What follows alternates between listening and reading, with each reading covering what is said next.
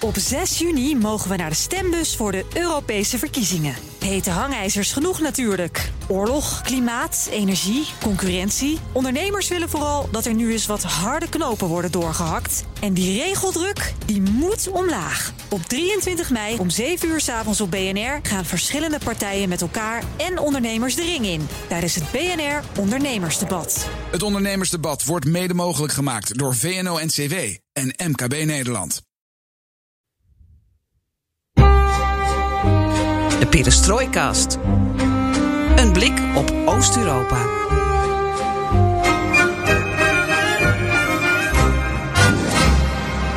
Welkom bij BNR Perestrooikast, aflevering 102 van de enige podcast van Nederland die volledig oog voor het oosten heeft en geeft. Deze aflevering kruipen we in de hoofden van de Russische politieke en defensietop. En daarvoor hebben we in huis gehaald Rob de Wijk, hoogleraar internationale betrekkingen aan de Universiteit van Leiden, directeur van het uh, De Hague Centrum. Ik weet nooit of het nou Nederlands of, of Engels is of allebei, maar Den Haag Centrum Gewoon in voor... Nederlands hoor. Gewoon in Den Nederlands. Haag Centrum Strategische Studies. Dankjewel Rob, want dat wordt altijd te pas en te onpas uh, verengeld. Ja. Uh, ja. Nou Rob, je bent een graag geziene gast op conferenties in Rusland en we hopen met jou dan ook een beeld te krijgen over hoe het het Kremlin daadwerkelijk kijkt naar de wereld, zoals uh, richting de EU, Afghanistan mm. en kijkt naar Jalta 2.0. Ja, daar horen we zo meteen uitgebreid over.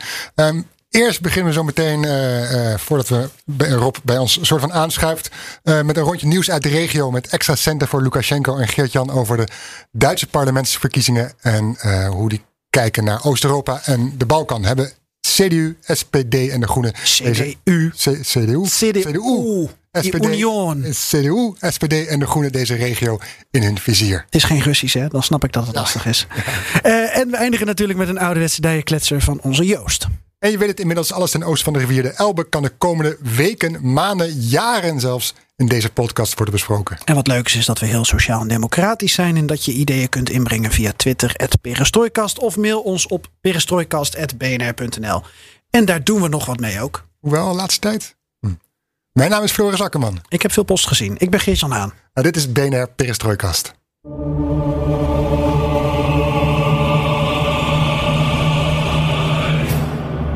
Belarus, Wit-Rusland, IMF, miljarden, Lukashenko, Floris, dat is jouw nieuws.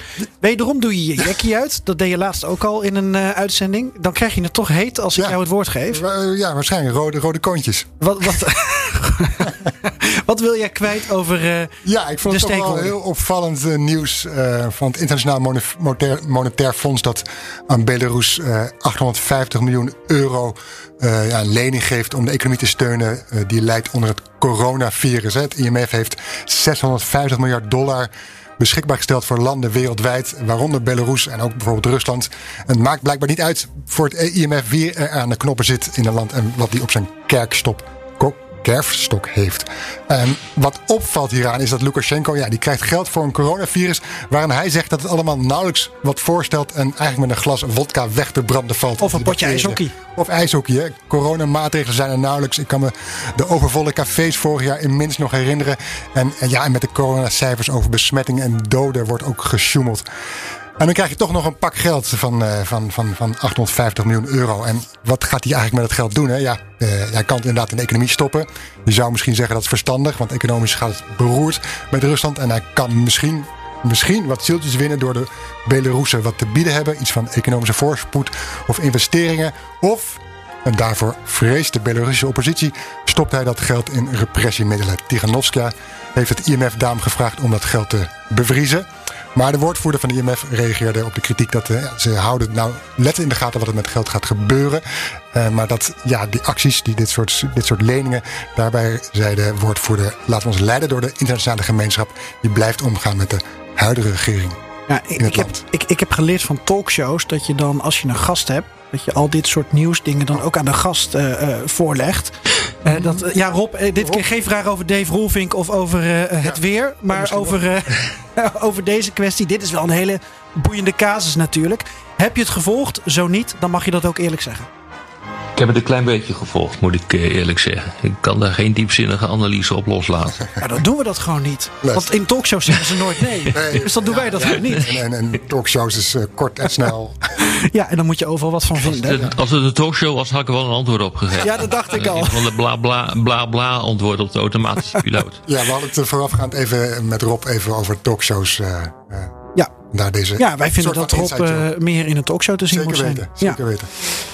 Ehm, dat was, jouw, eh, dat was jouw was bijdrage? Mijn, mijn, mijn, mijn Ja, dat talkshow was mijn bijdrage, ja. nee, ook Dus ik ben, Ja. ik, dat maakt mij ook tot een eh, graag geziene gast in talkshows. Dit soort eh Ja. leute praat. Ja. En Floris, hoe kijk jij eh, hiernaar? Want eh, ik vond jou wel pittig. J- jij kijkt dus wel met verbazing in ieder geval naar deze ja, ik, casus. ik vraag me af hoe dat dan, hoe dat dan gaat. eh, hoe zo'n beslissing wordt genomen. Op grond waarvan. Je weet, je kent zo'n land. Je weet wat, er, wat Lukashenko met het geld gaat doen.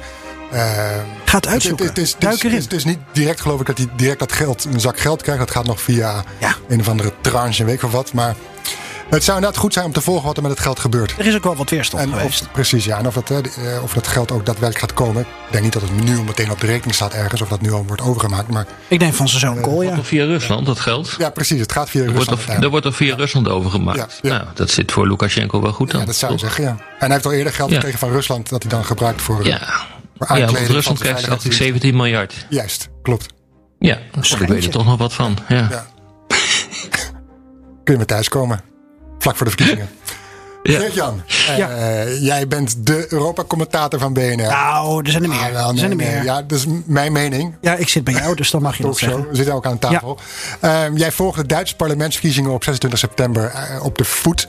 Ehm, Duitsland is een belangrijke speler in Oost-Europa. Merkel was nog op bezoek bij Poetin, ging daarna door naar Kiev. Ze heeft een speciale band met de Russische president. Was nauw betrokken, is nauw betrokken bij Nord Stream 2. Nam deel aan de vredesbespreking over Oekraïne. En heeft ook een grote stem in het EU-beleid, eh, sancties ten opzichte van Oost-Europa en Rusland. Ehm, Jij bent gedoken in die verkiezingsprogramma's. Je volgt überhaupt die verkiezingen, eh, dus nauwlettend. Wat betekent een nieuwe bondskanselier? Hè? Merkel, de oude rot, ervaren, 16 jaar geloof ik. Eh, kent, kent Rusland, spreekt de taal, heeft communistisch eh, in, in Oost-Duitsland gewoond onder het communisme.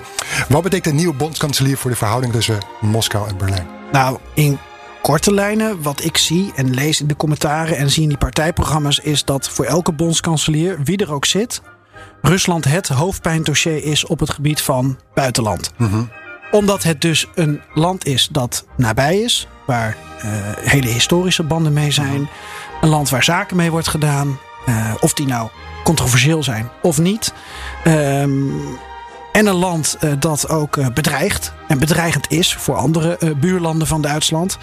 Ja, en het is niet zo 1, 2, 3 op te lossen. En dat merk je ook aan alle, aan alle reacties, aan alle partijprogramma's waar ehm, eh, toch vrij, ja, simpele teksten in staan. Een beetje formele teksten. Dan moet je heel erg naar de nuance kijken of dat, eh, of dat echt eh, eh, hard erin gaat. De groenen gaan er wat harder in, maar dat, dat, dat is dus het verschil dat ik waarneem.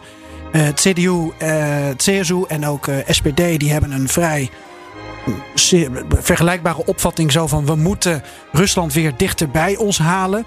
Eh, dat is nodig. Dat heeft Merkel in Europa laatst ook geprobeerd. Toen kwam ze een beetje van een koude kermis thuis. Omdat Polen, Baltische Staten en ook Rutte zeiden van... eh, gaan we niet aan beginnen.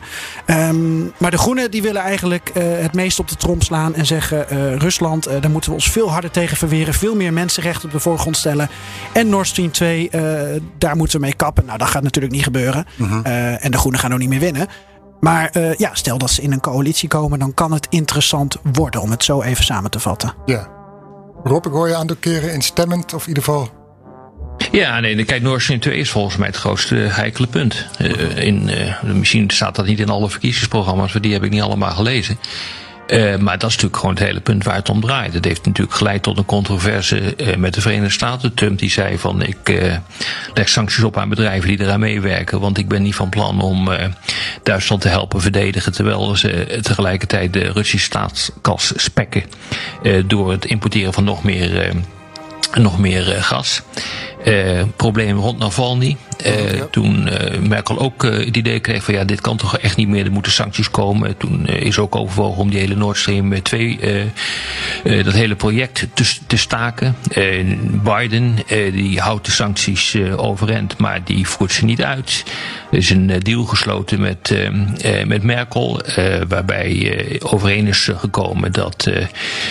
Eh, Oekraïne wordt gecompenseerd door het wegvallen van de transitie. Gooi je mijn uh, minuutje niet weg, Rob, daar gaan we het zo meteen nog over, uitgebreid over hebben hoor. Dus, ja, uh, ga zo maar door. Ik bedoel, maar dat is dus gewoon het, het, punt op dit ogenblik. En wat ik daarvan begrijp is dat Merkel, nou ja, die staat erin zoals ze erin staat. Die probeert van beide walletjes te eten. de Groenen, die moeten niks van Nord Stream 2 hebben. En de SPD, die staat aan de kant van de CDU. Ja, ja, ja. En, en, en, dan denk ik altijd weer aan Scheurder, die ook weer in Duitsland of in Rusland. Uh, nou, dat wordt ook over Olaf Scholz uh, gezegd. Mm -hmm. Dat is dan nu de kandidaat voor SPD die op het moment van opname, we nemen op op woensdag, uh, in de peilingen uh, Laschet voorbij is, 25 augustus. Maar over Scholz wordt gezegd, ja, uh, industriële man, niet heel anders dan CDU. Uh, en stemde altijd in met wat Schreuder wilde. Mm -hmm. Dus het is wel mm. heel interessant om in de gaten te houden hoe autonoom hij uh, uh, kan optreden. Uh, laten we wel wezen, het is een kanselier. Dat is natuurlijk heel belangrijk, ook voor een relatie met een, een Ursula von der Leyen of naar, naar Poetin toe. Maar het blijft natuurlijk wel een coalitie. -huh. En dat is natuurlijk met CDU en SPD nu ook al het geval. Dus heel anders zal het ook gewoon niet worden. Nee, nee. Nog even, even gaan door, Geert-Jan. Ja. Um, we hebben het over wat. Moskou ligt wat verder weg. Als we dichterbij kijken. Warschau, Budapest, Polen-Hongarije. Ja. afgelopen... Speelt in die verkiezingsprogramma's nauwelijks een rol. Uh, ja, één, twee zinnetjes over mensenrechten en, en rechtsstaat. Maar dan staat het meer in een zin over uh, wat doe je met uh, je buren en met de EU. waarden en politiek. Laschet was trouwens wel laatst de kandidaat voor het CDU, de, de mogelijke opvolger van Merkel. Die was laatst in Polen. Hij is minister-president van Noord-Rijn-Westfalen. Uh, nou, dat is op zich niet genoeg om dan daarvoor ontvangen te worden met alle ega's in Polen. Maar dat gebeurde wel. En het, het grappige is dat hij dus eigenlijk dat bezoek gebruikte om zich als een soort staatsman te presenteren. Want hij had wat goed te maken. Maar dat heeft dus eigenlijk bij, vrij weinig te maken met wat hij vindt van Polen. Uh, zijn, zijn idee erachter. Ja, het is belangrijk om goed contact met je buren te hebben. Maar dit was puur uh, een PR-stunt van hem. Dus uh, zo is het ook geanalyseerd door de Spiegel bijvoorbeeld. Dus ja. daar hoef je verder niet zoveel um, op los te laten. Zo van, nou, Polen speelt nu ineens een rol in debat. Nee. Ja, wat viel je verder nog iets op? Ja, de uitbreidingspolitiek. Mm -hmm. Dat vond ik wel interessant. Dat staat in veel verkiezingsprogramma's wel. Uh, soms wat uitgebreider, uh, soms wat sumierder. Uh, maar met name de Groenen die geven duidelijk aan... we willen de westelijke Balkan zo snel mogelijk lid maken van de EU. SPD heeft het over integreren. Nou, dat is eigenlijk een, een, mooi woord voor meer mee samenwerken. En CDU Uh, vat het dan in wat uh, meer termen samen. Uh, zo van inderdaad integreren, dat betekent meer samenwerken. Maar wel ervoor zorgen dat al die landen pas lid worden als ze voldoen aan alle eisen die wij hen hebben opgelegd. Nou, we weten dat Frankrijk en Nederland de grote. Partijen zijn die aangeven de grote obstakels zijn voor die landen om toe te treden. Duitsland in mindere mate, maar op de achtergrond wel degelijk dominant bij uh, tot nu toe het uh, voorkomen dat uh, dit soort landen verder komen in hun proces om lid te worden van de EU. En dat zie je ook terug in die partijprogramma's. Dus ook hierbij zal er weinig veranderen, omdat ja, de Groenen gaan hooguit in de coalitie komen. En dan nog zal dit niet een, een breekpunt zijn. En dan nog zal het niet in een paar jaar beklonken zijn. Ja, je, je verwacht niet, je laat een beetje doorschemeren dat aan de hand van de verkiezingen er opeens een totaal andere koers wordt gevaren. Nou, het enige wat zou kunnen, dat is een, een vrij bizar scenario. Maar het enige wat een, een drastische koerswijziging zou zijn, en dat zou op basis van de peilingen mogelijk zijn, maar of het gebeurt is echt een hele grote vraag, is als SPD wint en besluit samen te gaan werken met de Groenen en die Linken. -huh. Dan schuift het helemaal op naar links. -huh. Maar omdat Scholz dan de kanselier is en de partijleider en toch ook een vrij conservatieve SPD aanvoerder, zie ik dat eigenlijk niet gebeuren. Maar dat zou een enorme gamechanger voor alles zijn. Voor elke vorm van dynamiek. Ja, Rob, jouw talkshow mening graag, alsjeblieft. nou, kijk, weet je, dit soort dingen als de westelijke Balkan, dat vind ik echt een heel interessant uh, punt. Mm -hmm. Ja, dat, dat zijn ook dingen die geopolitiek steeds belangrijker worden. Um, want waar gaat het feitelijk om? Wil je ervoor zorgen dat die landen onder de invloedssfeer komen van Rusland of van China?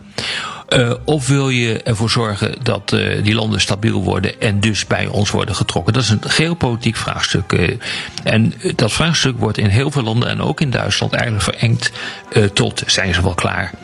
democratisch gezien is een economie wel op orde. En in Nederland speelt natuurlijk de rol van. En komen er ook mensen die kant op om hier werk te zoeken. Nou, dat soort dingen die zijn, die staan dus tegenover die geopolitieke vraagstukken. Maar dat geopolitieke vraagstuk wordt steeds belangrijker.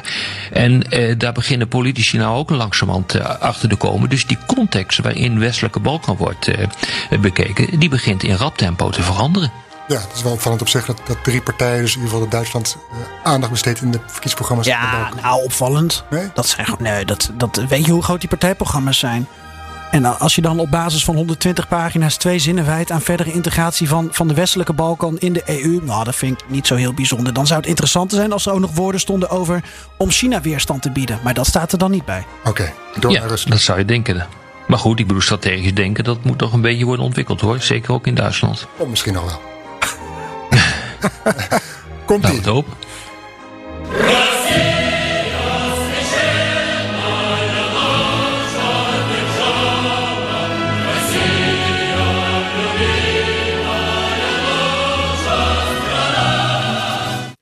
Geen Nederlandse politicus zet tegenwoordig nog een stap op Russische bodem.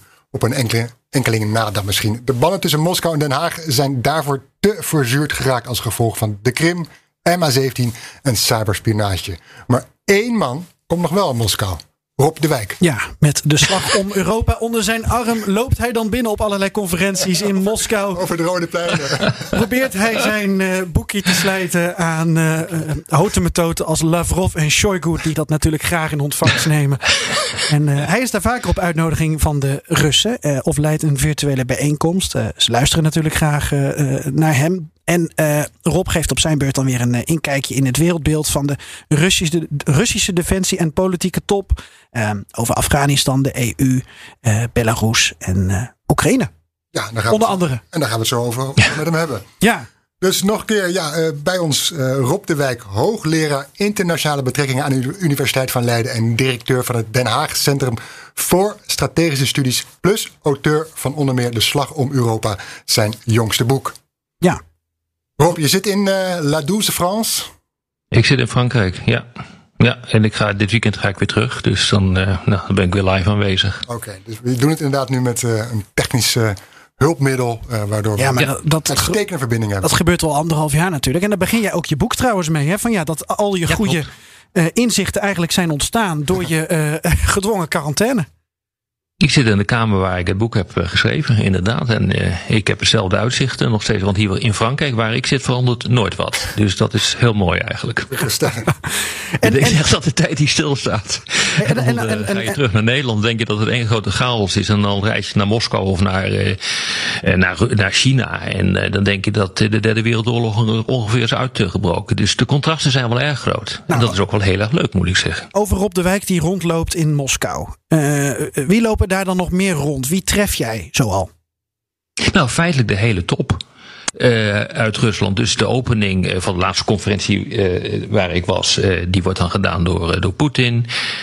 dan komt Shogui, dan komt Shoigu is minister van Defensie, Patrushev, eigenlijk de belangrijkste man na de, na de president, dus de voorzitter van de Veiligheidsraad, uh, Lavrov, niet een van de allerbelangrijkste, maar wel belangrijk. De hele generale staf is daar, de, de, de bazen van alle inlichtingendiensten zijn aanwezig. En dan worden de panels georganiseerd. En dan zit je dus met leden van de militaire of politieke top in een panel. En dan, ja, dan wordt daar een discussie gehouden. En dat is, wel, dat is best wel aardig. Uh -huh. Omdat je een echt een goed inkijkje krijgt in hoe de top althans denkt. He, niet hoe het volk denkt, maar hoe de top denkt. En dat is niet onbelangrijk, want het buitenlands beleid wordt niet uh, gemaakt door uh, de gewone man in de straat, maar door de top. En dat mogen we nooit vergeten. Dus het, dat inkijken is wel interessant en belangrijk. Ja, daar gaan we zo meteen even wat uitgebreider op in. In je boek De Slag om Europa lezen we dat je, dat je, je wordt ook wel eens uitgenodigd op dat soort conferenties in China. Uh, je, ja. had, je, had daar, uh, je gaat daar dieper op in, in, in je boek. En daar blijkt eigenlijk, ja. wordt wel uitgenodigd, uitgenodigd, maar je staat volledig aan de zijlijn uh, bij zo'n conferentie. In China is dat zo, in Rusland is dat dus niet zo. Ja. Dat is wel interessant. Dus deze, dit jaar stond ik ook op het hoofdpodium. Ja. Waarom, eigenlijk was ik wel verbaasd, want Waarom, waarom, krijg jij een, je hebt daar in China niks in te brengen? De Russen luisteren, doen dat niet, die willen je graag horen. Nou, ik, krijg je ik, ik denk dat je, dat je in je intro een deel van het antwoord uh, hebt gegeven. Uh, geen politicus komt er meer in. Ja. Um, en als de politici, politici, worden uitgenodigd, dan zijn het uh, ja, wel mensen van zeer pro-Russische uh, partijen. Ik zat bijvoorbeeld in een panel met uh, de baas van Alternatieven voor Duitsland. Nou, dat vond ik op zich wel vermakelijk. Maar ja, aan de andere kant, als je zo'n meneer hoort, dan word je er ook nog niet zo geweldig opgetogen van. Dus veel pro-Russische politici, dus Nederlandse politici, komen daar niet. Um, ik, uh, ja, ik probeer zo objectief mogelijk te zijn, ook in mijn boek. In mijn boeken die ik schrijf, ik probeer te houden bij de analyse. En ik begrijp ook bijvoorbeeld waarom de Russen, maar dat geldt ook voor de Chinezen, uh, zich vernederd voelen. Uh, dus ik, ik kan me hun standpunt ook wel in, uh, in denken. Ik bedoel, dat wil nog niet zeggen dat ik het ermee eens ben, maar ik kan me dat uh, wel indenken. en ja, ik probeer ze niet te schofferen. En ik probeer wel in dialoog te blijven. En dat is denk ik niet onbelangrijk. En dan is er nog een ander punt. En dat heeft heel veel te maken, denk ik, met hoe Rusland zelf functioneert. Eh, kijk, ehm, ik heb een, denktank opgericht, het uh, Centrum voor Strategische Studies in Den Haag. Uh, die werkt bijvoorbeeld voor de Rijksoverheid. Nou, dat is in Nederland vrij normaal. in Rusland is dat veel politieker. En als je dus met een, met een Russische beeld naar mijn club kijkt, dan denk je, nou, die staan heel dicht bij de regering. Dus ik ben één hand af, één, handshake, één handdruk ben ik verwijderd van laten we zeggen, de minister van Defensie of de minister van Buitenlandse Zaken. Dus wie weet komt er nog een deel van die boodschap over. En bovendien, ja, ze weten ook dat ik een ja, een, eh, een opiniemaker ben in dit land. En dat vinden ze ook niet onprettig. Dus misschien blijft er wat hangen. Ja, dus in, het klopt toch ook zin, op. Jij hebt je boek gepresenteerd. En dat klopt ook, want we zitten nu ook gezellig met elkaar te praten. Ja. ja, en je hebt je boek gepresenteerd aan Sigrid Kaag. Dat was dus één handdruk afstand. Ja, nee, in die zin hebben ze wel gelijk. Alleen, ja, het werkt natuurlijk niet in het Nederlandse systeem met beïnvloeding. Zo werkt dat gewoon niet. Ik bedoel, als je dus niet meer onafhankelijk bent in het systeem, dan ben je dus ook out of business als uh, denktank. Ja, en dan zijn ze toch wel geïnteresseerd in, in Nederland. Terwijl soms denken van ja, wat, wat moeten ze met zo'n Nou, dat mag je wel zeggen. Nee, maar kijk, Nederland is natuurlijk een van de belangrijke landen binnen de NAVO. En ik eh, schrijf ook eh, in het boek over hybride oorlogvoering eh, en het ontregelen. En dat is eigenlijk een tactiek van, eh, van de Russen. Hè. Je, wat je probeert te doen is, je probeert de NAVO, maar dat geldt ook voor de Europese Unie, die probeer je te ontregelen. Dat doe je door eh, de aanval in te zetten op de individuele landen. En daardoor kan zo'n bondgenootschap, of het nou de NAVO of de Europese Unie is, niet meer als, als één man opereren. Hè. Je, je ondermijnt de eenheid. Nou, dat is zeer belangrijk. Dat, dat zit er in zeer belangrijke mate uh, achter. Nou, uh, op het moment dat je dat, uh, dat, je dat weet, je gaat dat onderzoeken, dan, ja, dan komt je natuurlijk ook in een situatie terecht waarin je redelijk in de gaten krijgt van wat er eigenlijk aan de hand is. Ja. En wat, wat, is, wat is jouw verhaal daar? Het verhaal wat ik uh, hou is, ik, nou, ik probeer wel degelijk het westelijke standpunt te, te, te, uh, te verkondigen. Kijk, wat de Russen ontzettend graag willen is eigenlijk een Jalta 2 plus 0. Ze willen een deling van Europa, waarbij je eigenlijk een verdeling krijgt van Europa en invloedssferen. Dus uh, de Russen die willen hun invloed doen gelden in, laten we zeggen, Oekraïne. de Baltische Staten, nou ja, daarvan zijn ze van overtuigd dat die nou inmiddels wel definitief verloren zijn. Maar ook landen als Georgië, eigenlijk al die voormalige republieken van de Sovjet-Unie. Dat moet eigenlijk onder de Russische invloedssfeer vallen. Ze hoeven niet uh, onderdeel te worden van het Russische Rijk, maar onder de invloed, invloed van de, uh, ja, de, onder de invloed komen te staan van Moskou. En ze vinden het ook prima dat uh, het Westen dat doet, dus laten we zeggen de Verenigde Staten, maar ook de Europese Unie, de NAVO, doet in hun deel van Europa. Maar daar moeten gewoon harde scheidlijnen komen. Uh, toen, uh, dus ik, ik had een voorgesprek met, uh, met een adviseur van, van Shokoi. En die zei, zou je dat eens kunnen benadrukken? Uh -huh. Ik zei, ja, dat wil ik best wel doen. Uh, maar dat wordt dan een verhaal die je niet wil horen. Uh, nou, hij zei, doe het toch maar. Uh, dus dat heb ik ook gedaan. ik heb gezegd van, nou, dat die discussie speelt. En dat het echt absoluut noodzakelijk is dat we met elkaar in gesprek blijven. En dat we um, af moeten van de wapenbeheersingsakkoorden oude stijl. Maar dat we met elkaar in gesprek moeten gaan over elkaars doctrine. Dus hoe denken we over militaire macht, maar ook hoe denken we over buitenlands beleid. Uh, we moeten wel spreken over wapenbeheersing. Uh, maar dat moeten we echt bilateraal doen, dus niet meer helemaal mondiaal, wat eigenlijk uh, Trump destijds wilde.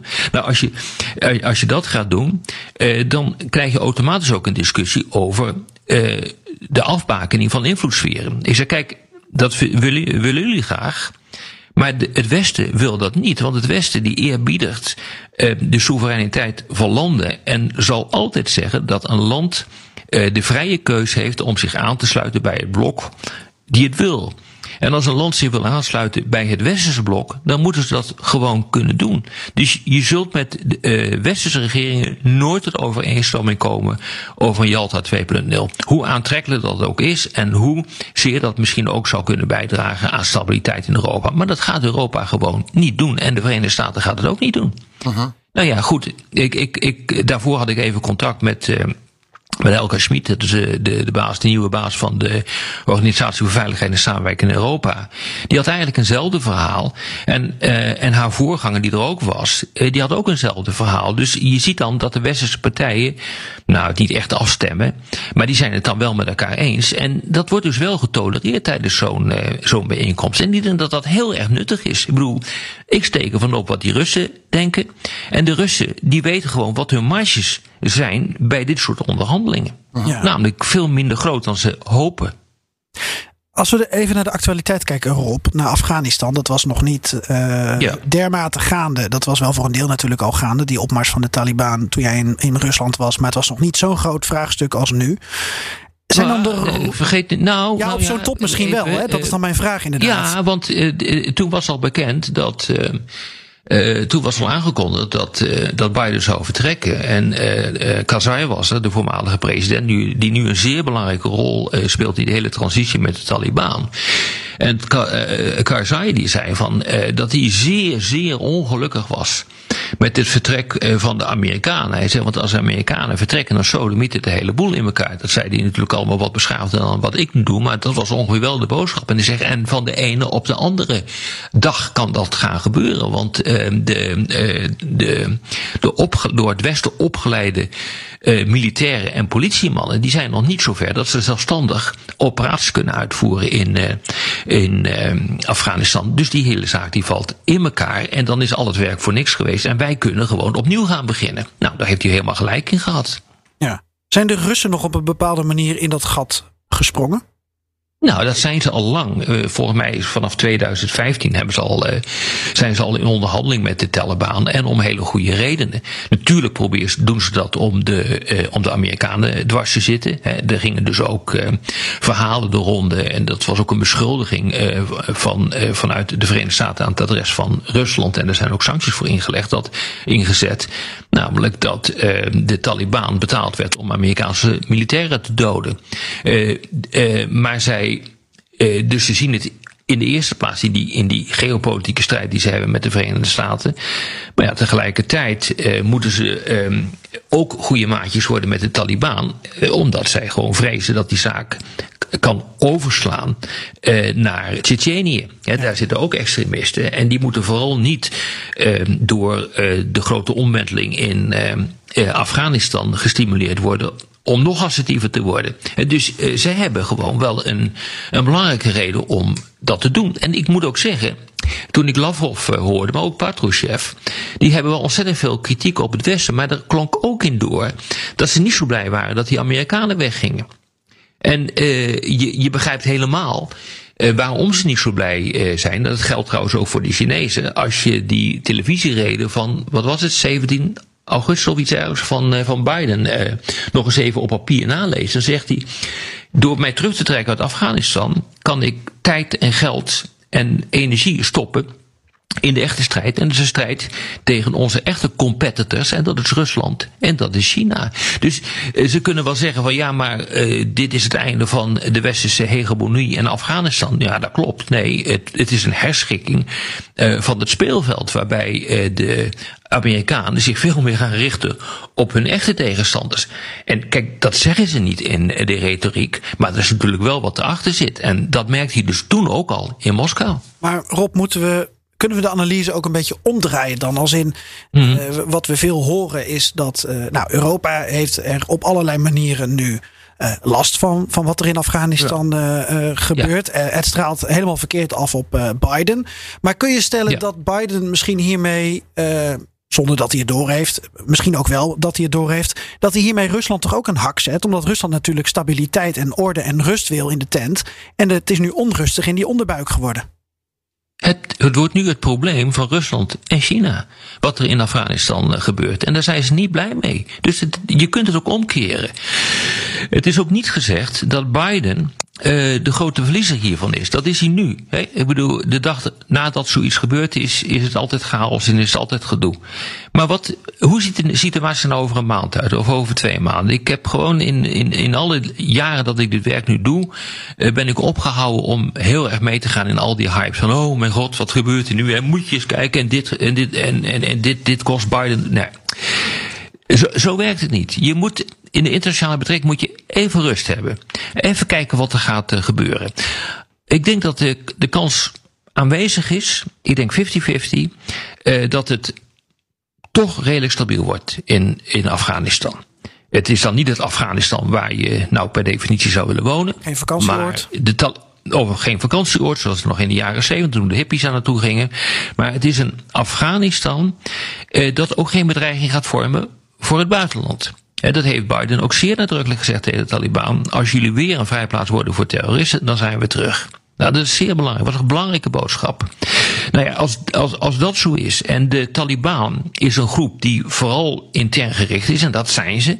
De Taliban is nooit een groep geweest die echt zijn vleugels naar buiten heeft uitgeslagen. Het is geen IS die filialen in andere landen wilde, uh, wilde ontwikkelen.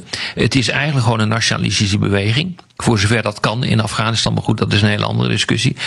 Op het moment dat zij de vrede weten te bewaren op een of andere manier, ja, dan is Biden terecht weggegaan en heeft hij een overwinning geboekt. Ja. Uh -huh. Maar dat, dat, hangt er helemaal vanaf hoe de, hoe de situatie gaat verlopen in Afghanistan. Rob, voordat we het zo weer over een ander onderwerp hebben, namelijk de relatie Rusland-EU. Um, even om dit samen te vatten, wat jij vertelde over Jalta 2.0, over wat jij dus hoort op die toppen waar je dan bent, uh, Afghanistan even in het achterhoofd. Het Russische perspectief is dus in feite altijd, als, als het gaat om buitenlandbeleid, rust in de tent, geen gekke dingen, geen gedonder. Dus ook niet dat naburige landen richting Europa aanschurken. Want dat zorgt voor onrust. Afghanistan zorgt voor onrust. Dat is eigenlijk het Russische mantra. Ja, en dat heeft te maken met het feit dat Rusland inherent zwak is. Kijk, de ambities van, van Poetin zijn veel groter dan zijn polstok lang is. Uh, uh, Rusland is een, een economie, die, die heeft een economie, een legale economie moet ik erbij zeggen, die iets groter is dan die van de Benelux, iets kleiner dan die van Italië. Nou, dat is best fors, maar niet indrukwekkend voor een land dat een, een supermacht wil zijn. Dat kan helemaal niet. Dus hebben economisch hebben ze, hebben ze eigenlijk geen, uh, geen poot om op te staan. Dan kunnen ze ook weinig doen. Dat, dat, daar lopen ze ook bijvoorbeeld tegenaan in Syrië. Vroeg aan een van die, die ministers die daar rondliep. Ik zei, wat gaan jullie nou eigenlijk doen in, Syrië? Je hebt daar uh, de boel naar je hand weten te zetten. Je steunt Assad. hij heeft gewonnen. Ga je nu ook dat land steunen? En ga je dat land nu ook opbouwen? Hoe ga je dat doen? Ga je er geld in pompen? Nee, zei ze, nee, nee, gaan we niet doen. Ik zeg, maar wie moet dat dan doen? Ja, dat moeten jullie doen. Wie? Ik zeg, wie is jullie? Nou, Amerika, de Europese Unie. Ik zeg, maar als wij dat dan doen, dan nemen we toch ook gewoon de boel over. Dan heb je toch alles voor niks gedaan. Ik bedoel, waar ben je nou mee bezig? En het interessante is, er komt niet echt een antwoord op. En ik heb het gevoel, het is tactisch manoeuvreren, maar er zit geen strategie achter. Dat is ook Rusland. En uh, Rusland is, heeft dus niet wat de Amerikanen zo mooi noemen shaping power. Dus de mogelijkheid om de boel naar je hand te zetten, om de regels in de wereld te bepalen, daar zijn ze gewoon te zwak voor. En, en, en dus dat land heeft, heeft is, is assertief. Uh, uh, zit vol met retoriek. Als je in Moskou bent, dan denk je net alsof de, tweede, de, de nieuwe Koude Oorlog uh, al lang is losgebarsten. iedereen, en dat is wel heel erg interessant, iedereen in de top heeft hetzelfde verhaal. Namelijk, het Westen is op zijn retour. Ehm, ehm, het, het is een, land dat, dat of het is een deel van de wereld dat eigenlijk geregeerd wordt en, en gedomineerd wordt door, door, door les, lesbiennes en homo's. En, en hè, dit. Uh, van die idiotieën. Uh, van uh, dat uh, in het Westen Jezus Christus als een biseksueel wordt, wordt gezien. Lavrov heeft het duidelijk gezegd en ook nog een keer op papier gezet. Dat, dat, dat hij vindt dat dat het geval is. Dus daar is een, een, een idee over het Westen dat totaal niet klopt. En tegelijkertijd proberen ze, en dat is het grote, dat is het interessante van de relatie eh, met Rusland. Tegelijkertijd proberen ze niet in conflict te komen met het eh, Westen, want ze weten dat ze dat toch niet gaan winnen. Al was het alleen maar dat er een grote kans is dat er dan kernwapens worden ingezet. Ja, je, je geeft eigenlijk al een inleiding op ons derde, derde blok. Oh. Ehm, ja, ik wil nog, ja, want je wil er nog wat toevoegen? Nee, ik hoef er niks aan toe te voegen. Maar je mag ook wel direct naar het derde blokje gaan. Ja, de relatie. eh. Nog één vraag. Ja, wat, ik, wat ik probeer te snappen van de Russische geopolitiek is eigenlijk dus altijd gericht op een, gewoon een korte klap uitdelen. Pragmatisch. En, en ja, eh, er zit eigenlijk wat dat betreft niet een. kat uit de boom kijken. Ja, wat dat betreft ook niet. een- Nou, geopolitiek gaat gewoon om macht. Dat is alles. Kijk, dat is echt niet Europees. In Europa denken we vooral de- eh, na in termen van humanitaire veiligheid. En we maken, dat zie je ook in de hele Afghanistan-discussie. We maken ons ontzettend druk om wat er met die Afghanis, Afghanen gebeurt. Meisjes moeten naar school blijven gaan. Eh, dat zijn mantra's. Maar in de geopolitiek is dat, is, en, en is dat gewoon helemaal niet, niet, niet zo belangrijk. In de geopolitiek gaat het om de vraag wie de macht heeft en wie de boel naar zijn hand kan zetten. En macht is ook zeg maar de drijfveer voor landen, niet humanitaire hulp. eh, of of het, eh, het, eh, nou, dat geldt alleen voor, voor Europa, maar dat geldt niet voor een land als Rusland. Dat is gewoon een hele traditionele, ouderwetse eh, ja, imperiale macht. Eh, die door middel van machtspolitiek probeert iets voor elkaar te krijgen. Nou, omdat ze eigenlijk niks voor elkaar kunnen krijgen omdat ze te zwak zijn, doen ze dat door middel van die hybride oorlogsvoering, dus van die speldenprikken. Ehm, en actieve maatregelen noemen ze dat. Dus eh, dat varieert van cyberaanvallen tot het verspreiden van eh, nepnieuws. Nou, dat is allemaal nog wat, eh, wat erger wordt. De inzet van zogenaamde illegals, mensen die hier gestationeerd zijn en die misschien wel aanslagen moeten gaan uit, eh, eh, uitvoeren. Of de inzet van de, GR, de, de GROE, het hitteam van de militaire inlichtingendienst van, eh, van, de, van, de, van de generale staf. die al regelmatig aanslagen heeft uitgevoerd in het, in het Westen, inclusief Skripal 2018 in Salisbury in het Verenigd Koninkrijk. Dus dat soort dingen krijg je dan. Maar dat is typisch. Typisch is voor een land dat niet de machtsmiddelen heeft om echt het verschil te kunnen maken. Ja, daar wilde ik eigenlijk naartoe. Alsnog het derde blok. Ehm, je schrijft, je Jij schrijft, stelde nog een vraag. ja, ja, klopt, klopt. Je- je- maar Oh, ik kijk. probeer er een mooi, vloeiend gesprek van te maken. En je schrijft in je boek hè, dat. Bij eh, mij dat- altijd lastig hoor. ja, nee, dat merk ik. Gelukkig hebben we Boekenstein niet uitgenodigd. Je dat is toch jouw rol, of niet? Ja, nee, ik ben niet zo ontwrichtend als Arend Jan. Echt niet. Het zijn mijn actieve maatregelen, net zoals de Russen. En je schrijft in je boek, en je, je hint daarop op, de Russen kunnen eigenlijk weinig voor elkaar krijgen. En als we kijken naar de relatie Europese Unie en Rusland, je, je schrijft dat de Russen zich eigenlijk stuk bijten op de Europese Unie. Eh, Ja. Soms lijkt het beeld wel anders, maar daar komen we meteen zo meteen verder. Daar gaan we op door, Ja. daarop door in. Eh, hoe kom je daarbij, dat stuk bijten? Wat, wat, wat, wat- Nou, bijvoorbeeld de, de Russen willen net zoals de Chinezen ontzettend graag, en net zoals Trump trouwens, en Biden, een handelsakkoord met eh, de Europese Unie. En eh, dat handelsakkoord, dat opent de deur naar andere relaties. Dat handelsakkoord, eh, dat opent de deur eh, naar eh, eh, de groei van de economie. En die krijgen ze niet. Eh, en dat heeft groot te maken met het feit hoe ze zich opstellen in de richting van de Europese Unie, Europa. Door Navalny eh, ja, komt een handelsakkoord veel verder weg te liggen dan ooit.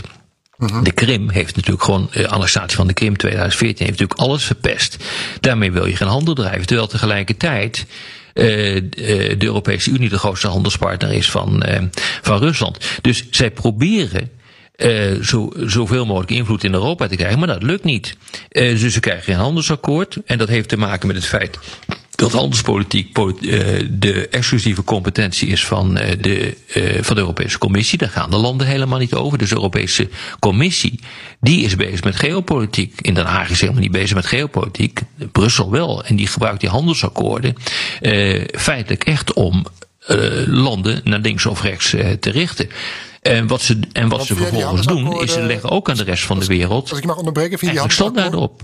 via die handelsakkoorden, Sorry? via die handels, door middel van die handelsakkoorden kun je bepalen van wij willen het zus, wij willen het zo hebben, anders krijg je Ja. geen akkoord. En dat kan zijn op het gebied van, van en dat is ook precies, producten eh, als je dus bezig blijft met Navalny, dan, eh, dan krijg je geen akkoord. Mhm. Dus je, je pas je mensenrechten maar een beetje aan en je zorgt ervoor eh, dat de gulag eh, eh, eh, niet meer in gebruik wordt eh, genomen. Dat soort zaken kun je dus, eh, dus eisen. Dat zie je dus ook gebeuren nu met, eh, met eh, de Oeigoeren, Xinjiang. Eh, je krijgt geen investeringspak omdat je bezig bent met, eh, eh, met, eh, met uitbuiting of met slavernij in, in Xinjiang. Nou, dat soort dingen, dat kan de Europese Unie heel erg goed doen. En, dat, en in die zin is de Europese Unie een supermacht omdat eh, militaire macht in toenemende mate in de grootmachtspolitiek geen belangrijke rol meer speelt. Want al die grootmachten waar het nu om draait, die hebben allemaal kernwapens. En die zorgen er wel voor dat ze niet militair met elkaar in conflict eh, eh, eh, komen. Want dan is het leed niet te overzien. En dan verschuift het automatisch naar het enige andere instrument wat er nog is. En dat is geo-economie. Nou, de enige die er echt heel erg goed is, in is, veel beter dan Amerika. Nou, Rusland doet helemaal niet mee. En China eigenlijk ook niet. Dat is de Europese Unie. En, en daar, daar ontneemt de Europese Unie zijn macht aan. Ja, zien de Russen op die conferenties, Lavrov, Shoigu, al die anderen, dat ook zo? Van de Europese Unie is een supermarktmacht. Eigenlijk- Supermarkt. Supermarkt misschien ook wel. Ja. Een supermacht. Super. eh, een supermacht waar, Ja. we, waar we eigenlijk niet tegenop kunnen. Zien, zien, zien zij dat ook zo, die toppolitici, die defensiemensen?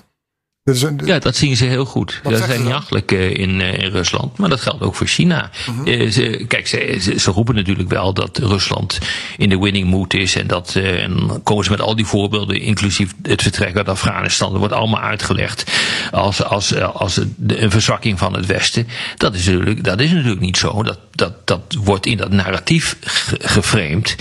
Maar tegelijkertijd weten ze heel goed dat de NAVO nog steeds sterk is. Eh, dat die landen nog steeds eh, de beschikking hebben over kernwapens. De Britten, de Fransen en de Amerikanen. Eh, ze weten heel goed dat de Europese Unie een buitengewoon eh, belangrijke partner, handelspartner is. En ze weten heel goed dat ze de Europese Unie nodig hebben voor een handelsakkoord. Eh, dus dat snappen ze heel goed. Dus eh, ze, ze, die, die, die kritiek op het Westen, die is ook vooral in, in, laten we zeggen, in culturele, bijna religieuze termen. Maar niet in economische, militaire termen. Want daar hebben ze groot ontzag voor. Bovendien, kijk, wij maken natuurlijk ook continu een onderscheid tussen, als we militair inzetten, tussen een NAVO-operatie, een EU-operatie, een operatie door gelijkgestemde landen, wat we bijvoorbeeld in, in, eh, in Libië hebben gedaan in 2010, 11. Ja, zij niet. Zij vinden alles NAVO, punt uit. En eh, die nuances dat eh, de relatie met, eh, tussen Europa en Amerika verslechterd is en nu iets verbeterd, maar nu ook weer verslechterd is onder Biden door Afghanistan. Ja, die gaat echt totaal aan hun voorbij. Eh, zij zeggen als puntje bepaaltje komen, komt, dan treden jullie op als één blok. En die relatie is helemaal niet zo slecht. En als wij een oorlogsschip zien van een land dat lid is van de NAVO, dan is dat een NAVO-operatie. Dus ja, weet je, zij, zij kijken daar veel simpeler tegenaan. En daar hebben ze feitelijk ook gelijk aan. Ja. Ik had het net eh, en jij eh, gaf daar eh, ook een, een opvatting over, over de Duitse verkiezingen. Op diezelfde dag zijn de Russische verkiezingen. Ik weet niet of de Russen dat tactisch zo gepland hebben. Dat ze dachten van nou, we doen het op dezelfde Nee, dag als die. Duitsers. Want dan hebben we minder aandacht. Maar er is op dit Nee, dat moment... denk je niet. Nee. Oké, maar er is nul aandacht voor die Russische verkiezingen. Eh, je kan ook zeggen van het is totaal niet spannend. Dus waarom zouden we er aandacht aan besteden? Aan de andere kant... Dat, dat, dat de verklaring Ja, oké. Maar aan de andere bezig. kant, als je, het, eh, als je het niet bekijkt, als je het niet analyseert, dan kunnen wij het hier wel hebben over eh, de relatie EU met Rusland en hoe Duitsland dan eh, straks eh, misschien wat nauwer met de Russen omgaat of helemaal niet. Maar het gaat toch ook om hoe de Russen met ons omgaan. En dan moeten we toch eigenlijk wel naar die verkiezingen kijken. Dat moeten we begrijpen. We moeten begrijpen waarom het een autocratie is.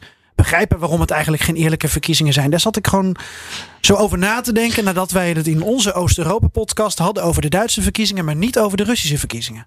Ja, daar ben ik volstrekt met je eens. Ten eerste is het heel belangrijk dat Nederland wat meer leert kijken naar Duitsland en naar Frankrijk en minder naar Amerika. Want eh, die, die twee Europese landen die gaan in belangrijke mate eh, de dienst uitmaken. Ook voor ons, ook op eh, defensiegebied en niet Amerika. En vervolgens ja, moet de kennis over Rusland moet weer, moet weer uit, uit de mottenballen worden gehaald. En dat zie je ook in de Verenigde Staten op dit ogenblik gebeuren. Die kennis is weg. En de vraag is, hoe gaan we dat doen? Dus de Nederlandse regering, die heeft, en dat vind ik wel goed hoor, die heeft initiatief genomen voor een Rusland-platform en een China-platform. Daar doet het Centrum voor Strategische Studies ook aan, aan mee. Dus ze proberen nu die, die kennis weer te bundelen om gewoon erachter te komen van wat is er nou eigenlijk aan de hand in dat land. En hoe moeten we daarop op reageren. Maar die kennis is gewoon weg. Dat is natuurlijk het hele punt. We zijn, we zijn met andere dingen bezig geweest sinds het einde van de Koude Oorlog. Maar ja, nu is het weer terug. Niet naar de Koude Oorlog, denk ik. Maar wel naar een vorm van, van confrontatie met Rusland. En dan is het toch wel dat je begrijpt hoe dat land in elkaar zit. En ik ben het volstrekt met je. Dan hoort ook een bestudering van de verkiezingen erbij. Al was het alleen maar om duidelijk te maken dat het geen democratie is. Ja, verbaasde me dat er in Nederland nog wel wat aandacht was voor die Krimtop afgelopen week in Oekraïne. Want ook dat had natuurlijk ja. uh, op pagina 28 kunnen verdwijnen. Maar ik zag zo her en der toch wel wat artikelen en publicaties en gesprekken op de radio daarover. Dus dat, dat is dan wel weer ja. hopelijk een, een opwaartse ja, lijn. Wat opmerkelijk is natuurlijk dat het toch blijft leven. Uh, die annexatie van de Krim. En dat de sancties nooit uh, van tafel zijn gehaald. En dat is, dat, is wel, dat is wel bijzonder, moet ik zeggen. Ja, die sancties en dat, dat, stoort, dat, stoort, dat stoort de Russen ook wel hoor, dat het zo is. Ja, die sancties zijn ook weer een voorbeeld van jou van waar de Russen zich op stik bijten. Hè? Dat ze dat niet ja. elkaar kunnen spelen. Ja, want, ja, zij denken dus dat ze de boel wel uit elkaar kunnen spelen. Dat hebben ze geprobeerd om dat te doen uh, via, uh, via Griekenland. Uh, of via gelijkgestemde, althans in hun ogen, landen in, het, in, in Oost-Europa. Bulgarije is daar een voorbeeld van. Nou, dat lukt dus gewoon niet. En daar zie je dus ook weer die macht van de Europese Unie. Dat eh, wanneer die landen uit het sanctiebootje stappen, ja, dan eh, heeft dat gewoon consequenties. Bijvoorbeeld voor de Grieken of voor de Bulgaren of voor wie dan ook. Dus die, die macht is echt gigantisch groot hoor van, uh, van de Europese Unie. En kijk, wat ik altijd merk als ik bijvoorbeeld in Rusland ben, maar dat geldt ook voor China, is uh, wij kijken van binnenuit naar de Europese Unie. En we zien dus één groot gekrakeel en we zijn het nooit met elkaar eens. Ja, ik bedoel, dat geldt ook voor de voor de Tweede Kamer. Uh, die lui zijn het ook nooit met elkaar eens. En, maar niemand die pleit voor het opheffen van de, de Tweede Kamer. Uh, we, maar we pleiten soms wel voor het opheffen van de Europese Unie. Wat raar is, want dat is nou eenmaal het democratisch proces. Al dat gedoe en al dat gekakeel en, uh, en al die landen die het met elkaar eens zijn. Maar uiteindelijk, en dat is natuurlijk wat telt voor de Russen, komt er een besluit. Uh-huh. Dan worden er ineens sancties opgelegd. Kan even duren. Hè? Dat gold ook voor Wit-Rusland. Heel veel kritiek van waarom doen we niks. En moet je eens kijken, de zwakte van de Europese Unie. Maar er komen wel sancties. En die bijten ongehoord. Dus uh, uh, dat valt allemaal erg mee. Als je dus van buiten naar die Unie kijkt, vanuit Rusland, of van mij uh, vanuit Wit-Rusland, ja, dan uh, dan is het ineens een machtsblok van je welste waar je gewoon helemaal niks mee kunt. Ja, maar dan heb je ook nog zoiets als PR. Dan gaat EU-buitenlandchef Borrell op bezoek bij ja. Lavrov. En dan kan ja. je dus alle sancties van de wereld hebben afgekondigd die werken. Je kan een beleid hebben dat werkt. Je kan een machtspeler ja. zijn. Maar als je vervolgens een visitekaartje afgeeft dat uh, door alles en iedereen wordt afgemaakt. Ja, dan wordt dat beeld, wat jij dus zegt, uh, dat inside beeld, dat wordt gewoon volledig teniet gedaan. Ja. De, wat Borrell in, in Rusland heeft uh, gedaan en uh, die, dat echec met die ontmoeting met, uh, met, met Lavrov, waar hij gewoon tijdens de persconferentie werd afgemaakt. En waarbij de Europese Unie werd, totaal werd afgeserveerd door, door Lavrov. En uh, discussies werd begonnen door Lavrov over Cuba, waar uh, Borrell zich absoluut niet op had voor, voorbereid. En waarbij Lavrov probeerde om duidelijk te maken dat er een enorme scheidslijn was in Europa en dat de boel niet meer één was. Ja, dat heeft Lavrov ongelooflijk goed gedaan. En Borrell, Borrell ongelooflijk slecht gedaan. ja, ik, ik verklaar dat ook bijvoorbeeld door het feit dat op dit punt uh, de, de bureaucraten en de leiders in Brussel weer niet zo goed zijn in die grootmachtspolitiek die op dit ogenblik gevoerd gaat worden. Dus op het moment dat het economisch gaat, dan is het allemaal prima. Maar dit soort pure botte machtspolitiek, ja, daar zijn ze toch niet ja, daar, zijn ze niet goed in. En die Borrell al helemaal niet. En ik vond dat inderdaad een afgang van je welste. Wat natuurlijk heel erg slecht is voor de Europese Unie. Maar ja, uiteindelijk weet je, komen er toch weer sancties. Ja, want en dat, uh, is het ook weer vergeven en vergeten. En zit uh, Rusland toch weer, hebben ze, hebben ze een, een overwinningje geboekt op de vierkante millimeter. Maar vervolgens worden ze weer geconfronteerd met nieuwe sancties. Het is, ja, het is maar net hoe je het bekijkt. Ja, is het ook zo met Nord Stream 2? Hè? Daar lijken we ook in te binden en ja. Russen de overhand te geven. En, en, dat is niet zo. nee, dat is niet zo, hè? Nee. Nee. Nee, kijk, ik bedoel, het is één ene met Nord Stream 2. Maar Nord Stream 2, daar is het laatste woord niet over gezegd. Mhm. eh, want eh, eh, Merkel die heeft het nu op zich genomen dat Duitsland, als in 2000, wat is het, 25 volgens mij, eh, het transitieverdrag met het doorvoer van gas door, eh, door Gazprom vanuit Rusland door Oekraïne stopt. En dat, dat gaat miljarden kosten voor, eh, eh, voor Oekraïne is wordt gecompenseerd eh, door het Westen, dus Amerika, eh, Europa. Eh, er, wordt, er worden miljarden gepompt in het vergroenen van de economie in, in Oekraïne. Maar Merkel heeft het op zich genomen dat Duitsland gaat proberen om dat, die doorvoer met tien jaar te verlengen. En dat betekent dus dat als dat niet gaat lukken, dan kan het maar zomaar weer zo zijn dat als die onderhandelingen een beetje verkeerd eh, lopen en er worden verkeerde dingen gezegd, dat, eh, gas, dat, dat Nord Stream niet meer kan worden gebruikt voor de doorvoer van gas door de Noordzee, eh, door de Oostzee.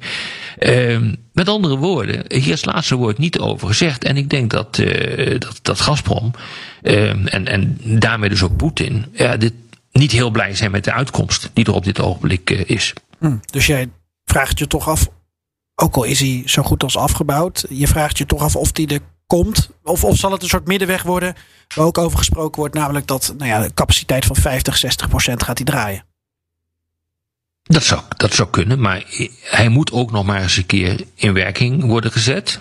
Dus als er echt weer een groot akkefietje is tussen, eh, tussen Oost en West, ja, dan kan het maar zo zijn dat dat niet gebeurt. Maar hij kan ook worden stopgezet. En dat zou best kunnen gebeuren als eh, de doorvoer van gas door Oekraïne na 2025 gewoon gestaakt wordt. Eh, dat, zijn, ja, dat zijn hele eh, logische consequenties van wat er nu is afgesproken. Het punt zit hem dus in het feit dat, dat Duitsland gaat heronderhandelen. En eh, om, die, om die gasdoorvoer overeind te houden voor, laten we zeggen, nog eens een keer bijna 15 jaar. Ja. Ja, dat, dat, dat is niet echt de bedoeling van eh, Rusland. Want juist de bedoeling van Nord Stream 2 is om die gas aanvoer naar Duitsland om Oekraïne heen te laten lopen. Nou, dan is dat dus mislukt. Nou, laten we nog één keer, misschien een van de laatste keren nu, eh, in het hoofd van die, van die, van die bobo's kijken. Nou, nog één keer dan. Eh, in de hoofd van Lavrov, Shoigu, eh Patrushev, noem ze allemaal op. Dat, dat omsingelingsbeleid, hè, beeld hè, bij het Kremlin. Ja. Dat, het Westen, die klopt, eh, die nadert ons, onze, de Russische grenzen. De NAVO, ASAF, Oekraïne en Belarus. Eh, eh, ze zitten al in de Baltische landen. Geloven die mannen daar echt in? Of is dat de retoriek voor de Russische kiezer voor, voor, voor binnenlandse consumptie? Ja, het is beide, denk ik. Ik denk dat ze er steeds meer aan geloven. En aan het geloven zijn. Kijk, als iedereen hetzelfde verhaal continu uitdraagt, dan ga je er ook in geloven. En realiseer dat, zeg maar, vanaf 2018 complottheorieën steeds meer onderdeel worden van het officiële discours in, eh, eh, in, in, in, eh, in Rusland. En dat is echt wel een groot probleem hoor. Er is ook een onderzoek eh, naar gedaan van naar complottheorieën. Bijvoorbeeld het omsingelingscomplex, wat al echt eeuwen oud is in, eh, in Rusland. Eh, in, in de officiële organen van bijvoorbeeld het ministerie van Defensie, dan zie je dat dat steeds vaker terugkomt. En ja, men begint daar dus in te geloven. En dat vind ik ook wel eng. Want als je dus gaat geloven in allerlei flauwekul, die op niks gebaseerd is. Want ik bedoel, eh, ja, je kunt wel denken dat Rusland, dat Rusland aangevallen wordt door de NAVO, maar we kunnen het niet eens. We hebben er niet eens de middelen voor. Het is gewoon compleet onmogelijk om dat te doen, militair technisch. En dat weten ze ook. En ik heb een keer een. eh eh, was niet dit jaar, maar een paar jaar geleden heb ik eens een keer gezien dat eh Gerasimov, eh, de grote militaire baas, die hier trouwens dit jaar ook was, generaal Gerasimov, die hield een, een presentatie over die omsingeling. En daar stonden ook de, de getallen bij van eenheden waardoor Rusland omsingeld was. Nou, mijn vraag was ook vrij helder, eh, want het is 200 hier, 300 daar, 400 zus en 400, 500 zo. Ik zeg maar, die getallen, bent u daar bang voor? Voor 200, 300 man in de Baltische Staten? Eh, of of in, eh, waar bent u nou eigenlijk bang voor? Kunt u dat niet aan dan met uw Russische krijgsmacht? Nou, er werd natuurlijk een grap over gemaakt van, eh, ik moet het opstellen van deze PowerPoint-presentatie executeren. Maar eh, het hele punt was natuurlijk dat, dat, dat, dat ze gewoon die PowerPoint-presentatie gejat hadden van internet. En ja, daar hadden ze getallen gewoon in laten staan. Dus dat, dat, gaat dus helemaal nergens over. Dus die getalsmatig is die omsingeling van de NAVO is gewoon, ja, is peanuts. Als je dat niet aan kunt als Rusland, nou nee, we echt wel een probleem hoor. Ik heb nog één laatste vraag op. Um, Sjoerd Sjoerdsma staat op de zwarte lijst in Rusland. Sinds, mm -hmm. wat is het, begin 2020 geloof ik. Ja. Uh, jij hebt goede contacten met D66. Hè? Ik weet niet of je officieel lid met alle nog partijen. bent. Uh, met nee, alle partijen. ik heb met alle partijen. Ik heb een. uh, Ik, ik, heb een ik, ik werk voor een, een, een neutraal instituut. Ja. En ik moet zeggen dat ik meer contact heb met, met andere partijen, varieert van de SP tot, tot GroenLinks en alles wat daartussenin zit, uh, dan met D66 hoor.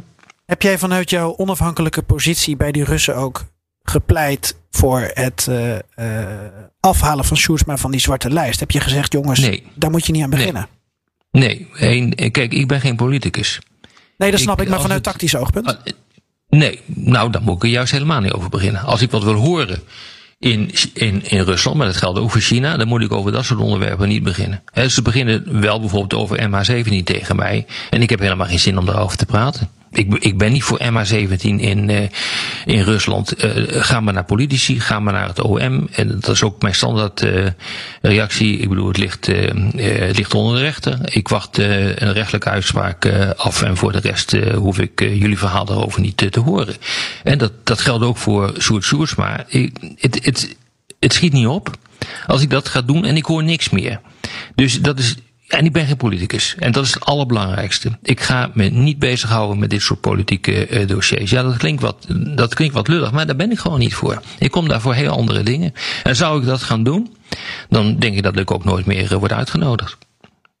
Nee, dan wordt de zwarte lijst uitgebreid. Ik kan ook niet meer schrijven. Ja. Ja, dan wordt de zwarte lijst ja. uitgebreid.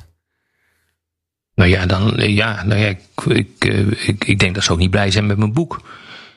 Uh, want dat is ook behoorlijk kritisch. Zowel over China als over Rusland. Uh, maar ja, goed, ik bedoel, uh, op het moment dat je geen politiek gaat zitten bedrijven in Rusland, nou, valt dat denk ik allemaal nog wel mee. Ja, is, is het een idee, hè? Jij bent daar vaak de gast, ook dit jaar weer. Is het een idee om het eens om te draaien en die Russen een keer uit te nodigen naar Nederland? Of staan ze allemaal op de sanctielijst? ik zou dat graag doen. Ik heb destijds met Aart-Jan Boekenstein een televisieprogramma ge, uh, ge, uh, gehad. Uh, helaas bestaat dat niet, niet meer. Eigenlijk was Boekestein in de wijk op, op televisie. Daar heb ik Karaganov, goede vriend van mij, uitgenodigd. Karaganov is een adviseur van, van de regering van Poetin. die kennen elkaar goed. Uh, die heb ik het Russische verhaal laten vertellen. Ik heb uh, begrepen dat dat een van de meest gewaardeerde uitzendingen is uh, die er was. Maar ook toen heb ik dus niet geprobeerd om hem gelijk te krijgen. Of om hem aan de schandpaal te nagelen met hun beleid ten aanzien van NH17. laat me praten. Ja. Laten ze nou maar gewoon eens een keer hun verhaal vertellen. Wat ze van ons vinden. En ja. dat gebeurt veel te weinig. Ik denk dat dat ontzettend belangrijk is om daarnaar te luisteren. In plaats van iedere keer de neiging te hebben om, uh, om die luide les te lezen. Nee, ik bedoel, je begon het gesprek met van waarom word je uitgenodigd. Ik denk dat dit een belangrijke reden is. Ik ben niet, ik, ik ben niet bezig om ze de les te lezen. Ik ben daar bezig om vanuit mijn eigen professie te kijken wat ze doen, wat ze denken, wat ze willen. Dat te plaatsen in mijn kennis als, laten we zeggen, hoogleraar internationale betrekkingen. Om een veel, beeld, veel beter beeld te krijgen van wat de Russen drijft. Ik denk dat dat ontzettend belangrijk is. Maar wat wij in het Westen continu willen doen, is hun uitleggen hoe de wereld in elkaar zit en wat ze wel en wat ze niet moeten doen. Nou, daar pas ik voor. Dat doe ik dus niet aan mee. En ik moet zeggen, uh, daar ben ik ook heel erg blij mee. En ik hoop ook nooit dat ik in die valkuil zal stappen. Dus uh, ja, dat is eigenlijk gewoon wat ik, uh, wat ik ervan vind. Nou, bedankt Rob. Dat is helder. dat, dat is helder. Eigenlijk, eigenlijk, eigenlijk, moet je, of moet je niks moet. Zou het wel een idee zijn om zo'n conferentie namens jou. Ik vind het ontzettend goed. En uh, haal ze hier naartoe. Uh, ik zou het graag willen doen. En, uh, maar dan wel op mijn voorwaarden. Dan gaan we dus, uh, dan gaan we dus niet alleen maar praten. De MA17 komt vanzelf wat te praten. Soersma komt, uh, die zou ik trouwens ook gewoon uitnodigen hoor. Bij zo'n uh, bijeenkomst. Ja. die zou ik zeker niet bijlaten. En ook mensen van rond de MA17, die zou ik er zeker bijlaten. Laten ze maar zien hoe dat hier in, in Nederland gaat. Maar ik wil ook gewoon weten wat hun verhaal is. En, en dat is echt wel noodzakelijk hoor. Want echt, als je daar komt, hè, ik merk dat jaar, jaar in, jaar uit in sterk, steeds sterkere mate. Het lijkt wel of de nieuwe Koude Oorlog is uitgebroken. En dat, dat stemt mij gewoon niet gerust. Dat wil ik niet. Daar moeten we echt wat mee. En dat betekent dus dat je moet verdiepen in die Russen. En je moet dus ook proberen daar ook een antwoord op te vinden. En een boek schrijven. Zeker. En een boek schrijven, ja. Dankjewel Rob uh, voor, voor, voor uh, deze uh, lessen. Een voorzetje, hè? want volgens mij kunnen we nog uren doorgaan. Zeker weten. Rob de Wijk deel 2. Ooit. Ja, ooit. Leuk. Doen. Op tv. ja. Zal Russia Today even bellen. Dankjewel Rob. Ik zal je nog, een keer, ik zal je nog even netjes afkondigen. Hoogleraar ja. internationale betrekkingen. Je zegt altijd hoogleraar. Dat vind ik mooi, alsof er ook laagleraren Ja, zijn. die bestaan er ook, ja. Oké. Okay. Hoogleraar internationale betrekkingen aan de Ja, Universiteit zo heet dat van nou. Een directeur van het Centrum Den Haag. Of Den Haag Centrum voor Strategische Studies. Helemaal goed. En Helemaal voor- goed. En voor Ja. als je het nog niet wist, auteur van de Slag om Europa. En Rob heeft ook andere boeken geschreven. Dankjewel Rob. Dankjewel. Graag gedaan. Bijgekomen van Rob, eh, Geert, Jan. Nou ja, van Rob naar Mop is natuurlijk maar eh, twee letters verschil. Ja, Maar het is wel eh, iets waar ik even naar uitkijk. Het is natuurlijk altijd in onze perestrooikast dat je diep de inhoud ingaat. Dat je eh, lezingen voor je kiezen eh, krijgt waar je veel van leert. Maar ook wij zaten in de schoolbankjes natuurlijk wel eens weg te dutten. Nou, nu niet. Rob hield me scherp. Ja. En wij hielden Rob scherp. Maar eventjes een derde helft, dat is wel lekker. ja. En ja, er is maar één iemand die ik ken die, die, die gezelliger is dan inhoudelijk. En dat is, eh, dat is Joost. Joost, ik had vandaag al eerder contact met hem. Even, ik zag een beeld. Hij heeft een prachtig wit overhemd aan. Ja? Als het goed is nog steeds. eh bovensknoopjes open. Ja? Ja? het ziet er goed uit. Goed. Zie je, ben je een soortje Ja, geweest, het Joost? geen. ehm, nee, nee, nee, nee. Ja, maar dat het geen. ehm, dat er geen beeld bij is. Hè, deze zeker, podcast. ja. Maar goed. Ja, ja. Kunnen, we, kunnen we regelen. Ik krijg wel eens filmpjes van jou eh, toegestuurd. Maar dan eh, met muziekjes eronder. Van een of ander nieuw eh, appje, geloof ik. ja ik, heb een, ik heb een hoop dubbelgangers. eh, Dat klopt. Ja. Dus cryptisch, hè? Mhm. Oké. Ehm, Ja. Floris, wil je hem op? Ja, mop over eh, geopolitiek als het goed is. Oh, heb je een verzoek is, ingestuurd? is de opdracht. Oh, wat leuk. Een mop over geopolitiek. Enig, lekker luchtig. Nou, daar komt de derde helft dan. Heel kort is die. Eh, Het Kremlin komt met een, eh, een eh, verklaring dat alle overleg met, het, met Washington, met de Verenigde Staten, per omgaande wordt afgebroken. En de reden is als volgt. Ehm, de verklaring luidt: ja, president Poetin wordt nu al met de vijfde president, Amerikaanse president, geconfronteerd. En met zo'n personeelsverloop kun je geen fatsoenlijke dialoog meer voeren. Ik snap hem. Ik snap hem. Hey. Ja. ook. Dus, dus, dus Rusland vindt democratie slecht, toch? Je kunt er van alles in, eh, in lezen in deze. Oh, boek. van dat alles is het leuke zelfs. ervan, ja. Oké. Ja, ja. Dat was het? Dat was het. Kort maar krachtig. Nou, Biden. Bi- Biden Ik kan ook you zeggen. Малинка моя, в саду ягода, малинка, малинка. Floris gaat weer eens niet door die muziek heen praten. Hé hey Joost, ik vond het een goede mop. Ik snap het nou.